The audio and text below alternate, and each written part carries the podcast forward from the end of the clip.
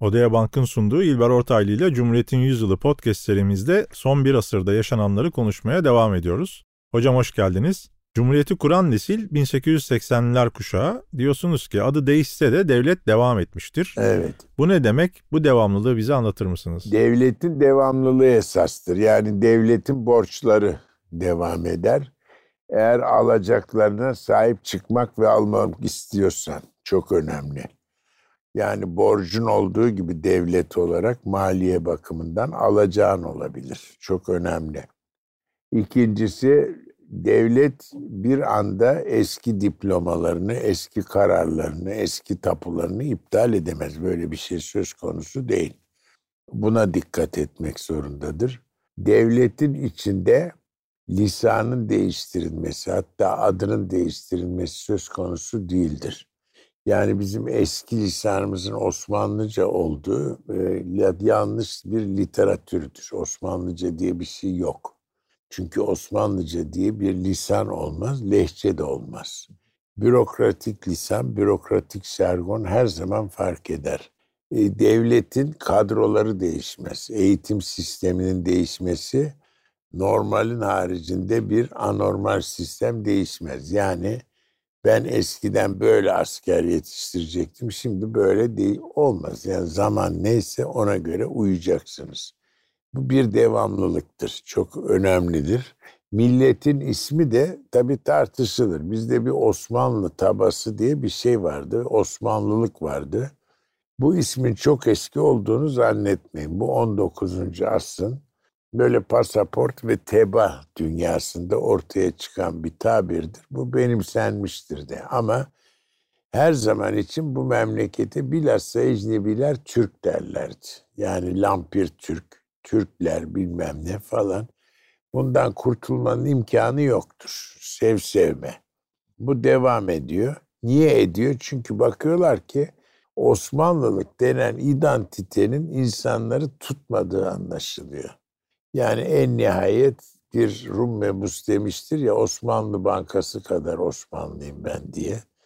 Bunu mecliste söylüyor. Öyle bir şey doğru. Yani o Helendir. Bunlar üstelik o Rum tabirini de kullanmazlar. Romalı tabirini son zamanda artık. Helen derler. Bulgar Bulgar olarak çıkar. Sırp Sırp olarak çıkar. Arnavut Arnavut olarak çıkar veya çıkmaz bu tarafa gelir o ayrı. Ama bu çok açıktır. Arap Araplığıyla çıkar artık. Onun için Türk Devleti'nin adı Türkiye Büyük Millet Meclisi'ne konmuştur artık. Ama ondan da gelmiyor Türklük söyleyeyim size. Hocam e, şimdi diploma devam ediyor. Evet. Devam ediyor. Borç devleti, devam ediyor, devleti, varsa borç, alacak ediyor. Devleti evet. yöneten kadrolar da devam ediyor. Bu da, bu da 1880'ler evet, kuşağı. Yani daha evvel Harbiye Şahane'de çıkanlar birdenbire Sensir'de okumuyorlar en azından değil mi? Başka bir şey yok böyle. Yeniçerilik kaldırıldıktan sonra modern ordu kurulurken daha doğrusu siyaset dışı kalması öngörülen ordu kurulurken Fransa ve Avusturya ve Almanya'daki son sistem gözlendi. Bu da kurmay eğitimidir. Yani kurmay sınıfı yaratıldı. Bir de tabii bir özellik var. 1880 civarı doğanlar diğer büyük devletlerin Avusturya olsun, Fransa olsun, Rusya olsun kara orduları subaylarına göre çok çok mücadele etmek ve erkenden mesleki şeylerini, kabiliyetlerini geliştirmek zorunda kaldılar. İsteseler istemeseler de. Yani Rusya'nın bu arada bir tek problem mesela Japonya olmuştur. Japon harbi. Orada yenildiler ama bunun dışında işte e, o askerler bildiğin sulh askerleridir. Avusturya için böyle bir şey söz konusu değil. Prusya için değil hazırlanıyorlar ama halbuki bizimkiler bir fiil artık savaş içindeler. İşte Yemen isyanı var biliyorsunuz İsmet Paşa orada çok genç rütbeyle kurmay başkanı ordunun Ahmet İzzet Paşa öyle seçti. Efendime söyleyeyim Yunan işte, Harbi var. Tabii bu Yunan Harbi var. O da zaferli biten bir savaştır yani iyi. Ondan sonra bir takım isyanlar var. Balkanlarda çete takipleri var. Mesela Enver Paşa onun üstadıdır. Bunlar yetişkin insanlar. Şimdi bunun ötesinde bunlar yetenekli hakikaten. Şeye baktığın zaman sicil mahsusa falan işte o dili biliyor, bu dili biliyor, onu biliyor, bunu. E doğru. Bu insanlar çok da empati ediyorlar bulundukları muhiti. Mesela Atatürk'ün Sofya'da bulunuşu bir macera ama çok önemli bir macera. Çok şey öğreniyor ve etkiliyor. Parlak bir asker bir sınıf bunlar. Kazım Karabekir ateşe militer olmadı ama çok bilgili bir adam. Hatta kurmay sınıfından olmasa sakallı Nurettin bile başta sonra e, şeyde Kuttül Amara'nın asıl şeysi o yani komuta şey hazırlayan. Yanında da Halil Kut o kurmaydır. Bunlar önemli. Son asırda zaten artık Osmanlılık siyasetini iflas ettiğini ve Türkçülüğün öne geçtiğini İttihat Terakki çevreleri ve hatta onlara muhalif olanlar da ileri sürüyorlar değil mi? Cumhuriyeti kuran kadrolar da bunun içinden mi? Evet, Cumhuriyeti kuranlar zaten Türkçü. Yani Türkçü onlar çok açık. Ee, peki yani monarşi ile cumhuriyet arasında nasıl bir seçim yapıyorlar? Yani bu seçime ne Vallahi Türkler her zaman söylüyorum monarklarını severler. Yani Fatih Sultan Mehmet'i monark diye sevmeyecek Ama bu yönetici değilim. kadrodan bahsediyorum. Yöneticinin içinde de severim bilmem ne ama monarşist değildir Türkler. Yani monarşist değildir. Bunun objektif nedenleri vardır. Madde bir, monarşiye has sınıflaşma yoktur. Yani biliyorsun işte böyle bir aristokrat sınıf vardır batıda. Böyle bir şey yok Osmanlı İmparatorluğu'nda. Yani böyle kayıtlı asalet sınıfı yok.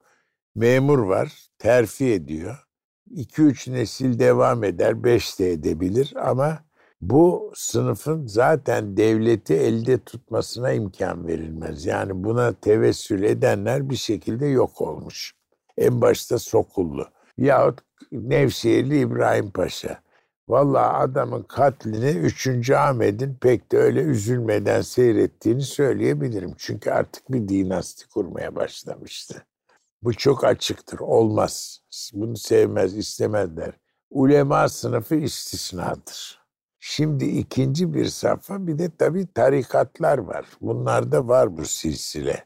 Fakat bunlar bir puvar değildir gerçek anlamda. Ancak mutlak iktidara yardım ederler. Onun için Osmanlı toplumunda böyle bir kurulu monarşi insanlara bu hakkı veren hanedandan başka bir hanedanı tanıyan sistem yok. Bu insanlar bunu tutmazlar. Bu sınıflarda herkes işte böyle Mustafa Kemal gibi orta sınıftan da gelir. Köy kökenli bir aileden de gelir yarı yarıya. Aşiret kökenliden gelir.